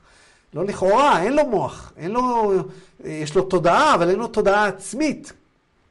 גם הוא שואף אל האור, לא משנה מה, גם הוא שואף אל האור. אז אה, דון ממשיך ושואל, Is there any physical difference between first and second density? For instance, if I could see a second density planet and a first density planet side by side in my present condition, would I see both of them? Would they both be visible? דון הוא מה שאני קורא לו בינתולוג, הגיונו מוחשי, הוא הולך לתכלס. הוא אומר לו, רגע, אם תשים לי פלנטה של ממד ראשון ופלנטה של ממד שני, אחד ליד השנייה, האם, קודם כל, האם אני אוכל לראות אותם? ושנית, מה יהיה ההבדל ביניהם? השאלה האחרונה שלו הייתה, האם אני אוכל לראות את שניהם? ואני חושב שרע עונה רק על זה, ולא על השאלה ה, הראשונה, מה ההבדל הפיזיקלי ביניהם, וחבל. כי זה יכול להיות מאוד מעניין לשמוע אותו עונה על זה. אה, ורע עונה, This is correct. זה נכון, אתה תוכל לראות את שניהם. All the octave of your densities would be clearly visible were not the fourth through the seventh freely choosing not to be visible. נתן לנו פה רמז אדיר, הוא אומר, כן, היית יכול לראות כל פלנטה ופלנטה של... אה, אה, קודם כל, כן, היית רואה את הפלנטה של הממד הראשון והממד השני, ולמעשה היית יכול לראות כל פלנטה ופלנטה באוקטבה שלכם. אבל, אלמלא, אלמלא הפלנטות מהכותב... מהממד הרביעי עד השביעי היו בוחרות לא להיראות. זאת אומרת, הוא רומז לנו שיש כל מיני פלנטות בממדים מסוימים, זה הפעם הראשונה שהוא רומז את זה לדון, שבוחרות לא להיראות. למעשה אנחנו לא יכולים לראות אה, יצורים מהממד הרביעי, אנחנו לא יכולים לראות פלנטות שנמצאות אולי בממד רביעי מתקדם וכן הלאה וכן הלאה. אה, וכמובן יש כל מיני דברים כאלה ואחרים, אה, מה שנקרא The Devils in the Details, הפרטים של זה הם המשמעותיים, אבל, אבל זה הרעיון. אנחנו לא יכולים, שימו אותנו היום על פלנטה או מול פלנטה בממד החמישי, או שלא נוכל לראות אותה, או שלא נוכל לראות שום דבר על הפלנטה הזאת, למעט את המינרלים ואת הצמחים שנמצאים עליה, ואת החיות שנמצאות עליה שהן בממד השני, ואולי בממד השלישי, אבל לא יותר מזה. אז דון שואל, then how does the second density progress to the third? ופה אנחנו נכנסים קצת למידע שהוא קצת חוזר אה, על המידע שכבר דיברנו עליו, של ההתקדמות אה, ב, ב, בממדים, ואני לא רוצה להיכנס אליו שוב עכשיו, אה, אבל אני רק אגיד, אה, בואו בוא נעשה רק את השאלה הזאת. אה, כי אז הוא שואל אותו באיזה ממד הפלנטה שלנו, והוא כמובן עונה בממד השלישי, שאנחנו כבר יודעים. אה, אבל בואו, אה, רגע, בואו נראה אם יש פה משהו משמעותי. לא, זה דברים שכבר למדנו, הוא אומר לו שהממד השני שואף לממד השלישי, שהוא הממד של התודעה העצמית. אם בממד השני היצורים מודעים לסביבה אבל לא לעצמם, בממד השלישי זה מדובר פה ביצורים שמודעים לעצמם, וזה כמובן בני אנוש, בני אדם. אה, ופה אנחנו עוברים לסשן מספר 27. לסשן מספר 27 אה, נעשה לא הרבה זמן אחר כך, אה, בפברואר של שנת 81. לפי דעתי גם הסשן הראשון היה ב-81, כך שאנחנו עדיין בתקופה יחסית מצומצמת. מה השעה? 10 ו-10, יש לנו עוד קצת זמן. בואו נראה, אני רשמתי לעצמי להתחיל להגיד מ-27.4. אז אני פשוט אקפוץ ל-27.4 כדי לא לבלבל אותנו, ונתחיל מפה. עכשיו שימו לב לשאלה שהוא שואל כאן. רגע, בואו נסתכל רגע בצ'אט, לראות אם יש שאלות. אחד ההבדלים המרכזיים בלמידת החברת ולגדילת תודה, ריגוש שאתה מתחיל ללמוד, כן. אנשים פה התחברו למה שאמרתי על ההתלהבות מהגדילה התודעתית, וזה, וזה יפה. תראו איזה שאלה דון שואל פה. זו השאלה שמישהו מכם שאל, מה שנקרא Great Minds Think Alike, יש ביטוי כזה באנגלית. אה, המוחות, הזכלים הגדולים חושבים אותו דבר. אה, אז אה, אחד מכם אה, או אחת מכם שאלתם, מה זה אינטליגנציה, ארז? תגדיר אינטליגנציה, אז אה, הדבקתי את השאלה והתשובה הזאת. דון שאלת אותו דבר, would you define the word intelligent in the concept of intelligent infinity? אנחנו... מה זה אינטליגנציה? הוא שואל אותו. תגדיר לי אינטליגנציה. אני לא יודע מה זה. ורע עונה, I'm raw. We shall address the entire spectrum of this question before defining as requested. Your language, using vibrational sound complexes, can be at best an approximation of that which is closer to an understanding, if you will, of the nature of conscious thought. Perception are not the same as sound vibration complexes, and the attempt to define will therefore be frustrating one for you. Although we are happy to aid you with the limits of your sound vibration complexes, to define intelligence apart from infinity is difficult, for these two vibration complexes equal one concept. It is much like attempting to divide your sound vibration concept, concept faith into two parts. We shall attempt to aid you, however. וואו, איזה יופי של תשובה. קודם כל, התשובה הזאת מחולקת לשני חלקים, אני אסביר את החלק הראשון ואז את החלק השני. החלק הראשון הוא אומר לו דבר, דבר שמלמד אותנו המון על הבריאה עצמה, ולא רק על הבריאה, אלא על הצורה שבה אנחנו חושבים ועל הצורה שבה אנחנו מתקשרים האחד עם השני. הרי כשאנחנו מדברים אחד עם השני, אנחנו משתמשים במילים. הרב אומר לנו פה, אנחנו לא יכולים, אנחנו מתקשרים בכל מיני דרכים, אנחנו מתקשרים גם בהבעות, בחיוך, בכל מיני דברים כאלה. אבל כאשר אנחנו מנסים להביע איזשהו רעיון, אנחנו משתמשים במילים. כאשר אנחנו מנסים להביע מחשבה, מחשבה מודעת. אתה רוצה לאכול? אה, אני רעב? אה, אני מלמד אתכם את חוק האחד? אנחנו אה, אוהבים להתפתח תודעתית. כל מילה שאנחנו מוציאים מהפה, למעשה כל מחשבה מודעת לעצמה, שהיא למעשה תוצר של השכל, השכל שנע בזמן, שהוא מדבר במילים, למעשה של היגיון, ושימו לב איך זה מתקשר למילה אינטליגנציה, אוקיי? לוגיקה, מילה. היגיון הוא תמיד איזשהו מלול, הוא תמיד איזשהו רעיון שמובע במילה, או לפחות בממד שלנו. כל מילה כזאת שיוצאת לי מהפה, היא למעשה מנסה, מנסה לתאר איזשהו perception, איזשהו, אה, איך נגיד perception? אה, תרגמו לי רגע perception. אה, אה, לא פרספקטיבה. בואו נבדוק.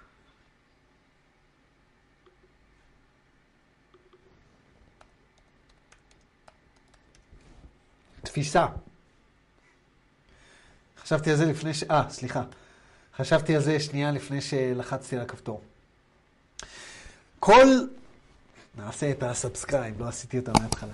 אה, כל מילה שאני מוציא מהפה, למעשה ניסיון, ניסיון ותו לא, ניסיון להגדיר איזושהי תפיסה. אם אני אומר לכם, והיא מנסה להיות הכי קרובה שאפשר לתובנה מסוימת. אז יש מילים שאני אגיד לכם, שולחן. אני אומר שולחן, כולנו יודעים למה אני מתכוון. זו מילה שמנסה לתאר איזושהי תפיסה של איזשהו משהו שאפשר לשים עליו דברים, שאפשר לשבת לידו. אבל כל בן אדם, התפיסה שלו למילה שולחן היא טיפה שונה. אני אומר, שולחן, מה דמיינתם בדמיון? הדמיון הוא בלתי רצוני. אני אומר, שולחן, אתם מדמיינים שולחן. וכל אחד מדמיין שולחן אחר. ויש אנשים שלא מדמיינים אותו, מחשיינים אותו. אני חשיינתי את השולחן. שהיה במשך 40 שנה בבית הוריי, ועכשיו הוא יושב אצלי פה במרפסת, בגינה. אוקיי? שולחן מעץ. חשיינתי אותו. עכשיו, זה רעיון מוחשי, אז הוא יחסית זהה לכולנו. אבל מה עם רעיון כמו נדיבות, או רעיון כמו אהבה, או רעיון כמו אינסוף, או רעיון כמו אינטליגנציה? זה רעיון, והמילה רם מסביר לנו כאן שהרעיון של מלל הוא אך ורק ניסיון נואש כזה או אחר להתקרב לתובנה, להתקרב לתפיסה. ולכן אנחנו מאוד מאוד מוגבלים, מוגבלים בהבנה שלנו ובצורה שבה אנחנו מתקשרים האחד עם השני. וזה מאוד מאוד אה, משמעותי, בגלל שתפיסה אה, היא לא אותו דבר כמו מילה. הוא אומר, הוא אומר פה דימוי מאוד מאוד מעניין, הוא אומר, הניסיון אה, ל... בגלל זה, בגלל זה, הניסיון שלנו להגדיר את הנושא של אינטליגנציה מחוץ לנושא של, לרעי, לתפיסה, את התפיסה של אינטליגנציה מחוץ לתפיסה של אין סוף, הוא כמעט בלתי אפשרי, בגלל שהם שווים דבר אחד. אינטליגנציה ואין סוף זה דבר אחד. אז אינטליגנציה אינסופית זה איזשהו רעיון שהוא משולב יחדיו. למה? אז הוא אומר, ופה בואו ננסה להבין למה הוא התכוון. אה, ולצערי דון לא שאל אותו להגדיר את המילה אמונה, הוא אומר, להפריד אינטליגנציה מהרעיון של אין סוף, זה כמו לנסות להגדיר את המילה אמונה לשתי חלקים שונים, לחלק את המילה אמונה לשני חלקים שונים. זה כאילו הולך הפוך, כן? אז בואו ננסה רגע להבין למה הוא התכוון, איך אנחנו יכולים לחלק את המילה אמונה לשני חלקים שונים. למה הוא אומר את זה?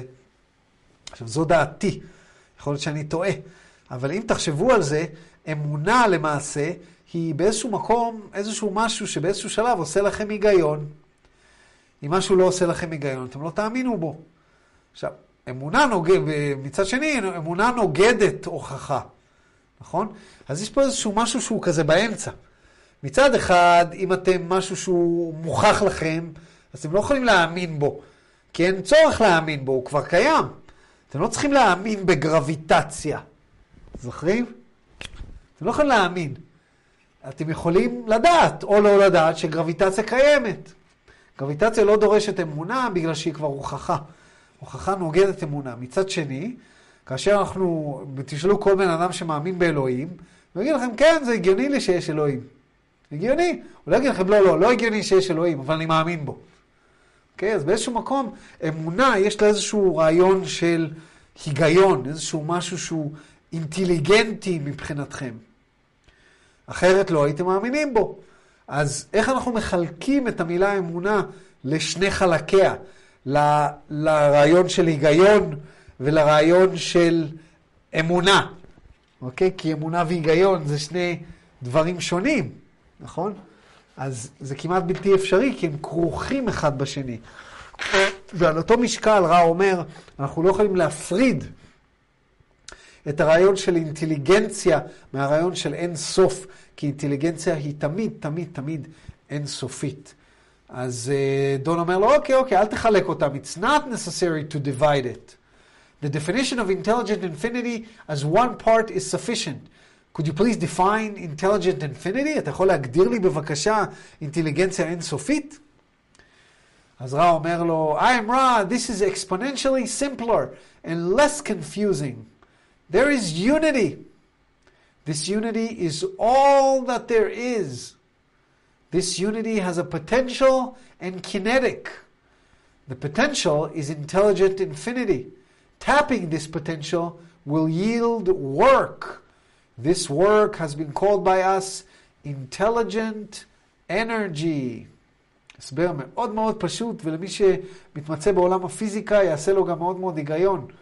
The nature of this work is dependent upon the particular distortion of free will, which is in turn is the nature of a particular intelligent energy or kinetic focus of the potential of unity or that which is all.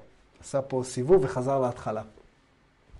הוא אומר לו, כן, להגדיר את המושג אינטליגנציה אינסופית זה הרבה הרבה יותר פשוט. הוא אומר, אקספוננציאלית, בצורה אקספוננציאלית יותר פשוט והרבה הרבה פחות מבלבל. הוא אומר לו, יש אחד, יש unity, יש איחוד, הכל אחד.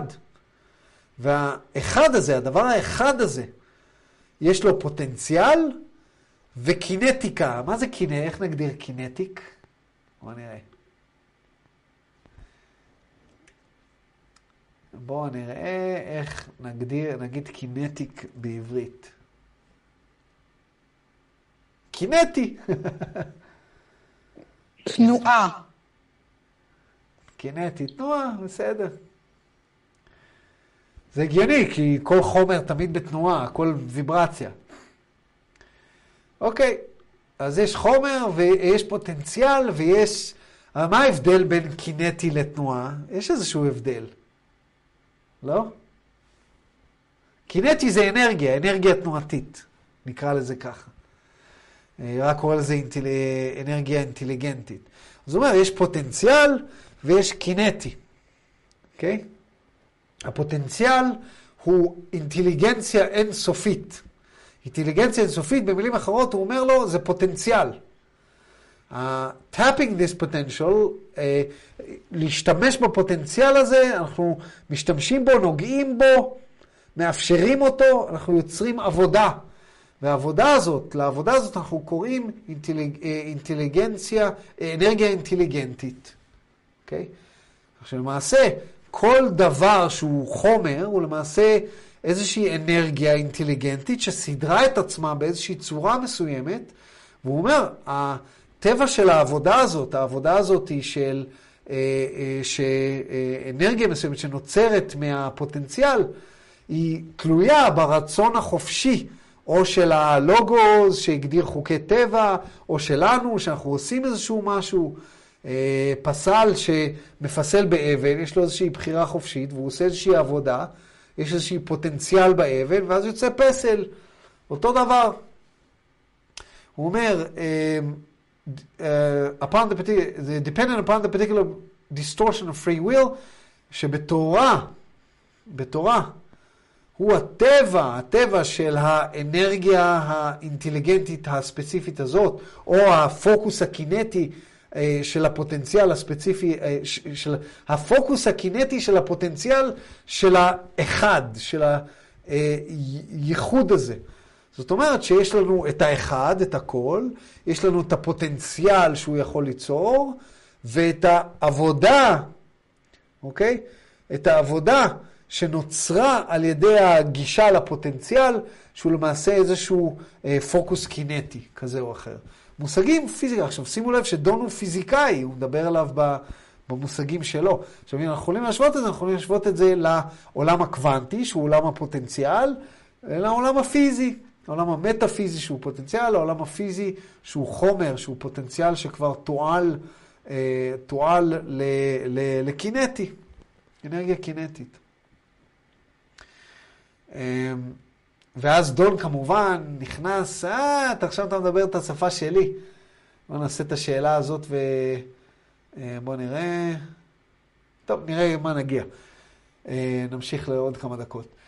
אה, דון שואל, אוקיי, רגע, עכשיו דיברת את השפה שלי, הוא אומר לו, I'd like to expand a little on the concept of work. למה אתה מתכוון שאתה אומר עבודה? In Newtonian physics, the concept of work is what we call force which moves through space. It's the product of force and the distance as we measure it. I'm assuming that the work of which you speak is a much broader term, including possibility work in consciousness. Am I correct? הוא אומר לו, רגע, אתה מדבר על הרעיון של כוח ניוטוני, שאיך זה נקרא? F equal זה, אה, וואלה, שכחתי מימי האוניברסיטה שלי. אה, F equal זה דיסטנס, לא יודע, לא, יש איזושהי הגדרה לכוח, למי שזוכר. אה, אז הוא אומר לו, אתה מתכוון כוח במובן הניוטוני, שזה כוח שנע דרך מרחב, שזה למעשה התוצאה אה, של כוח ומרחק, כמו שאנחנו מודדים אותו, או שאתה מתכוון במובן הרבה יותר רחב, גם במובן המטאפיזי, במובן של העבודה ב-consciousness. האם אני צודק? ורע עונה לו, I'm רע. As we use this term, it is universal in application. Intelligent infinity has a rhythm or flow, as of a giant heart beginning with a central sun, as you would think or conceive of this. The presence of the flow, inevitable as the tide of beingness without polarity, without finity. the vast and silent, all beating outward, outward, focusing outward and inward until the focuses are complete. The intelligence or consciousness of Foki have reached a state where their, shall we say, spiritual nature or mass calls them inward, inward, inward, until all is coalesced. This is the rhythm of reality as you spoke. אני קראתי את השאלה והתשובה הזאת, לא עכשיו, מדבר איתכם בשנים שלמדתי את הרם מטריאל, וואלה, אני חושב לפחות 10-15 פעם. ואני אף פעם לא הבנתי אותה לא... עד הסוף, כי זה כל כך מופשט. אבל אני אנסה להסביר מה שאני הבנתי. הוא רע למעשה לוקח פה איזשהו דימוי. שימו לב שבתוך הלב, הגוף שלנו יש לב, והלב פועם. הוא פועם החוצה ופנימה, החוצה ופנימה, החוצה ופנימה. והוא מחיה, הוא למעשה זה שעושה את העבודה. הוא זה שעושה את העבודה ומאפשר לנו לחיות. אז הוא אומר, היקום זה אותו דבר. היקום אותו דבר. כשאנחנו מתכוונים עבודה, אנחנו מתכוונים באופן אוניברסלי. אותו דבר, יש איזשהו שמש central uh, sun ליקום, יש איזושהי central sun, איזושהי שמש מרכזית לכל היקום, לכל הבריאה, לכל הבריאה עצמה. וזה כמו לב ענק, giant heart, הוא אומר, והלב הזה פועם, פועם. והוא, ה-presence, הנוכחות שלו, היא של מה שהוא גורם, של הפלואו שהוא גורם, is inevitable. זה כמו איזושהי גאות ושפל של נוכחות מסוימת, שאין לה קוטביות, אין לה סוף. היא אינסופית, היא עוצמתית, היא גדולה, היא, היא, אין לה קול, והיא פועמת החוצה, החוצה, החוצה, ואז פנימה, עד שהפוקוסים, עד שהמיקודים הושלמו, אוקיי? וזה זה, זה ממש כמו החיים שלנו. ואנחנו יודעים שהיקום, המדענים אומרים לנו שהיקום מתפרס החוצה, החוצה, החוצה, החוצה, החוצה. המתמטיקה אומרת לנו את זה. אז יש כל מיני תיאוריות מה יקרה בסוף העולם, בסוף היקום. שאנחנו נתרחק כל כך הרבה, כל דבר מתרחק כל כך הרבה מכל דבר, שבסופו של דבר הכל יהפך לקר, קר, קר, ואז שום דבר לא יזוז כי הכל יקפא. זו תיאוריה מסוימת. תיאוריה אחרת אומרת שלא, בסוף הכל יקרוס לתוך עצמו. וזה למעשה תואם את מה שכתוב פה, שהכל פועם החוצה ובסוף יפעם פנימה. והוא אומר, האינטליגנציה, או התודעה הזאת של המיקוד הזה, מגיע לאיזשהו שלב, הגיע באיזשהו שלב למקום שבו הטבע הרוחני שלו, הוא מדבר על זה כמושג, כמושג אמפירי, הטבע הרוחני שלו, קורא לו חזרה פנימה, פנימה, זאת אומרת, הוא יוצא החוצה, החוצה, החוצה, באיזשהו שלב הטבע שלו קורא לו פנימה, פנימה, פנימה, עד שהכל מתנקז ומתרכז חזרה פנימה וקורס לתוך עצמו. הוא אומר לו, זה מקצב המציאות שדיברת עליו. אז הוא אומר לו למעשה כן ולא. אני מתכוון לזה במובן הכללי, אבל גם, ב, גם במישור הרוחני, גם במציאות הפיזית, הדבר הזה קיים. עבודה שווה כוח כפול דרך, כן, תודה. אז דון שואל, now I think I've extracted an important point from this, in that that intelligent infinity we have work without polarity, or a potential difference does not have to exist. Is this correct? הוא מבין פה משהו שהוא לא נכון. בואו ננסה להבין את מה הוא הבין לא נכון, ואז נבין מה הנכון. לבריאות. הוא אומר לו, רגע, אני חושב שהבנתי משהו מדבריך, שהיא נקודה חשובה. אה, אנחנו, יש לנו נטייה כבני אדם, יש לנו נטייה לנסות לסדר דברים יפה יפה. ודון אה, ראה פה איזושהי הזדמנות לסדר את זה יפה יפה. אז הוא אמר, אה, כן, הבנתי. באינטליגנציה האינסופית, שם אין קוטביות. הרי אנחנו יודעים שכל דבר בטבע, בטבע המוחשי יש לו קוטביות. אז אצלנו, כאשר אנחנו מדברים על עבודה, זה עבודה, תמיד יש לה איזושהי קוטביות מסוימת. איזושהי אנרגיה אה, שרוצה ללכת לפה, ואנרגיה שרוצה ללכת לפה, וצריך איזשהו איזון ביניהם. אז הוא אומר, באינטליגנציה האינסופית יש לנו עבודה שאין לה קוטביות, או איזשהו פוטנציאל של הפרש, לא חייב להיות שם. אצלנו ביקום הפיזי תמיד להיות חייב להיות פוטנציאל של הפרש. האם אני צודק בהבדל הזה?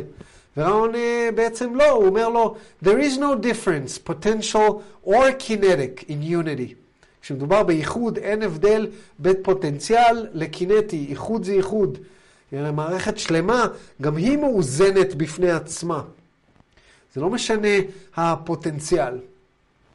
זה לא משנה ההפרש, ההפרש. כי המערכת כולה היא מאוחדת, גם המערכת הקינטית, היקום החומרי כולו, גם הוא מאוזן, גם הוא אחד. The basic rhythms of intelligent infinity are totally without distortions of any kind. The rhythms are clothed in mystery, for they are being itself. From this undistorted unity, however, appears a potential in relation to intelligent energy. In this way, you may observe the term to be somewhat two sided. The use of the term, that being as the undistorted unity, without being any kinetic or potential side. The other application of this term, which we use undifferential, undifferentiatedly for lack, רגע, איך אומרים את זה? לא רק זה, לא רק שלא יודע איך להגיד את זה, הוא אפילו לא אומר לי, בסדר. For which we use undifferentiatedly, undifferentiatedly, for lack of other term, in the sense of the vast potential tapped into foci or focuses of energy we call intelligent energy. איזו תשובה מתוסבכת, אבל בעצם היא מאוד מאוד קצרה ומאוד מאוד פשוטה. הוא אומר לו דבר כזה, כמו שאמרנו, אין הבדל בין הפוטנציאל הקינטי כשמדובר ביוניטי. אבל כאשר אנחנו מדברים על אינטליגנציה אינסופית, שם אין חריגות. אתם זוכרים שדיברנו על מושג distortion, חריגה? שם הכל כמו שהוא. הכל כמו שהוא. אבל מהמקום הזה שאין בו חריגה, מה- undistorted place, יש איזשהו פוטנציאל שמתחבר, פוטנציאל שמתחבר לרעיון הזה של אינטליגנציה, אה, של אנרגיה אינטליגנטית. האנרגיה אינטליגנטית, אוקיי? אתה יכול אה, להתייחס אליה שיש, אה, אתה יכול, כשאתה חושב על זה, אתה יכול להתייחס שיש שני צדדים. שיש את ה... אתה יכול להגיד שלמילה unity, למילה איחוד, יש למעשה שני צדדים. יש את, ה, את האיחוד, את האחד שהוא undistorted, שאין לו חריגות, אבל את הצד השני, שפוטנציאל שניגשנו אליו ויצרנו ממנו איזשהו משהו, ששם אפשר להשתמש בו אנחנו משתמשים בו, למעשה רע אומר לו, אנחנו משתמשים בו באותה צורה. כשאנחנו אומרים יוניטי, רגע, כשאנחנו משתמשים, אני חושב שאנחנו עדיין מדברים על המושג עבודה, אוקיי? כן. הוא אומר, כשאנחנו משתמשים, משתמשים במושג הזה של עבודה ושל איחוד, אנחנו משתמשים בזה גם פה וגם פה. אתה יכול להסתכל על זה כשני צדדים נפרדים. אנחנו לא, אנחנו קוראים לזה Intelligent Infinity, אינטליגנציה אינסופית, מול אנרגיה אינטליגנטית. ואנחנו לא מבדילים ברעיון של עבודה וברעיון של איחוד בין השניים. ברעיון של פולריטי, ברעיון של קוטביות. מבחינתנו, בשום מקום, כאילו, תמיד יש ואין קוטביות, אוקיי? אה, בואו נראה איפה המקום הנכון לעצור.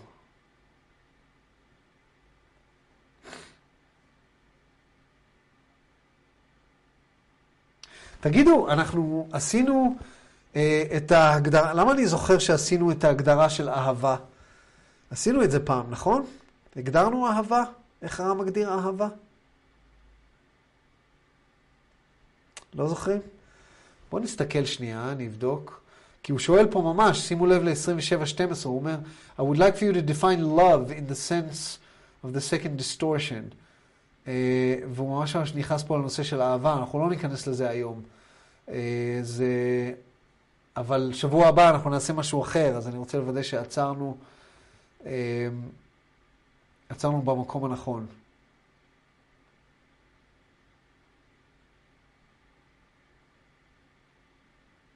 אוקיי, אני יודע איפה אנחנו נעצור. תנו לי רגע לבדוק אם עברנו על שאלה 27-11.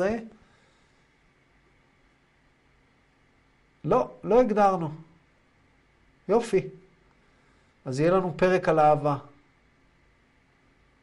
בסדר גמור. אוקיי. הייתי... אה, יכול להיות. כי בפרק 1 ובפרק 2, אם עשינו את זה, עשינו את זה בפרק 2. אני חושב שעשינו את זה בפרק 2, כי אני זוכר שעשינו את זה. אבל בסדר, בואו נעשה צ'יק צ'אק צ'יק צ'אק רק את uh, שלושת השאלות האלה, וזה מקום טוב לעצור. אז uh, דון שואל אותו, now I understand, that, כי זה חשוב, זה קשור. Uh, now I understand that the first distortion of intelligent infinity is a distortion of what we call free will. Can you give me a definition of this distortion? הוא אומר אוקיי, עכשיו אני רוצה שתגדיר לי רצון חופשי. הרי אמרנו שמאינטליגנציה אינסופית נוצר רצון חופשי. בוא תגדיר לי מה זה. אז הוא אומר, I am Ra. In this distortion of the law of one, it is recognized that the creator will know itself. וזה נקודה חשובה. אנשים שואלים אותי הרבה הרבה פעמים, בכל מיני סיטואציות, בכל מיני מקומות, מה המטרה? אוקיי, אז בסדר, אז נוצרנו, אז מה המטרה? למה אנחנו פה? ופה רע עונה משהו שנאמר לנו בהמון המון מתודולוגיות, מתודולוגיות, אה, כולל דרך אגב קבלה בצורה כזו או אחרת. אמ, שהיוצר למעשה רוצה לדעת את עצמו. הוא אומר לו, ההגדרה של רצון חופשי זה הרצון לדעת את עצמך. היוצר רוצה להכיר את עצמו, אז לכן הוא יצר איזשהו רצון חופשי, רצון חופשי על מנת שהוא יוכל להכיר את כל היכולות שלו, את כל המצבים שבו הוא יכול להיות קיים. אז דון עונה, then I'm correct then in assuming that the creator will know itself in assuming that the creator will know itself the creator, then grants for this knowing the concept of freedom, total freedom of choice in the ways of knowing. Am I correct? הוא שואל אותו בדיוק את מה שהסברתי. האם אני, נכון זה שאני מסיק שהיוצר יצר את עצמו כיוצר ונתן לעצמו את הידיעה שיש לו חופש, חופש מוחלט, על מנת שיהיה לו בחירה לדעת את עצמו בכל מיני דרכים. ורע ענה, I'm right, this is quite correct. הוא לא ענה, זה נכון, הוא אמר, זה נכון מאוד. ודון שאל, This then being the first distortion of law of one, which I'm assuming is the law of intelligent infinity, from all other correction, all other distortions, which are the total experience of the creation spring from this. Is this correct? הוא אומר לו, אז רגע, זה למעשה החריגה הראשונה מחוק האחד, מהאחד, מהרעיון של האחד. יש לנו את הרעיון של הרצון החופשי, את החוק האינטליגנציה האינסופית, וכל שאר החריגות הן למעשה החוויה הכוללת של הבריאה שיוצאת מתוך זה, האם אני צודק. והוא עונה לו, אתה צודק ולא צודק. הוא אומר לו, this is, I'm wrong, this is both correct and incorrect. In your illusion, all experience springs from the law of free will or the way of confusion. In other sense, which we are learning, the experiences are this distortion. אני לא מבין למה הוא אמר שזה נכון ולא נכון, הוא רק דייק את זה במילים אחרות. הוא אמר, אני חושב שהוא התכוון שזה לא נכון כי יש מציאות אחרת, יש כל מיני uh, אשליות אחרות בה זה לא נכון. אבל הוא אומר, באשליה שלך, כל החוויה מגיעה למעשה מהחוק של הבחירה החופשית, או מה, הוא קורא לזה, נותן לזה גם שם אחר, way of confusion, הוא גם משתמש במושג law of confusion במקומות אחרים. אה, הוא אומר, במובן אחר אה, שאנחנו לומדים, החוויות עצמם הם החריגה הזאת של ה-free will, אה, מאוד פילוסופי. פילוסופי. ואז הוא שואל אותו, I will have to think, to think about that and ask question on it in the next session. So we'll go on to what you have given me as the second distortion, which is the distortion of love. Is this correct? הוא אומר, אוקיי, אז בעצם, ומזה אמרת שיצא אור, והאור זה אהבה. האהבה זה למעשה, זה ה-second distortion. Is this correct? ורע אומר, כן. מאוד מאוד מאוד מופשט, ולכן בשבוע הבא אני רוצה ללכת לדבר מאוד מאוד מאוד מוחשי, ואנחנו נ- קצת, קצת נעזוב את כל הרעיון הזה של הבריאה המופשט, כי זה קשה, אני רואה שגם חלק מהאנשים עזבו, אה, איזה כמה עזבו, זה בטח היה קצת מאוחר מדי עבורם. זה לא קל, זה לא קל ללמוד את הדברים האלה, אבל, אה, אבל הם דברים חשובים, ואני שמח שהקלטנו אותם. לשנייה הסתכלתי, אמרתי, רגע, הקלטתי, אה, והם שם. אז אם למישהו יש שאלה לפני שאנחנו סוגרים, ואז אנחנו נסגור, וחלקכם לפעמים אוהבים להישאר ולדבר איתי כמה דקות, היום אין לי הרבה, ב-11 אני צריך לי- להיות באיזשהו מקום, אה, בפגישה אחרת, טלפונית, אבל אה, בואו, אה, אה, בואו תגידו אם יש לכם שאלות. going once, going twice, going thrice. אוקיי, אין שאלות. טוב הדבר. אה, אני רוצה, אחרי כל הפלסוף הזה, אני רוצה להגיד לכם תודה. תודה שהצטרפתם, תודה ששרדתם עד עכשיו, אה, ולכל מי שביוטיובס, אל תשכחו לעשות אה, ליקוק וסבסקוב, אה, כדי שהכל יהיה בסדר. ו... וזהו. אז חוק האחד שבוע הבא, אנחנו נדבר על UFOs, עבמים, חייזרים, ולילה טוב לכולם. ותודה, I greet you in the love and in the light of the one infinite creator, אדוני, תודה רבה ולילה טוב.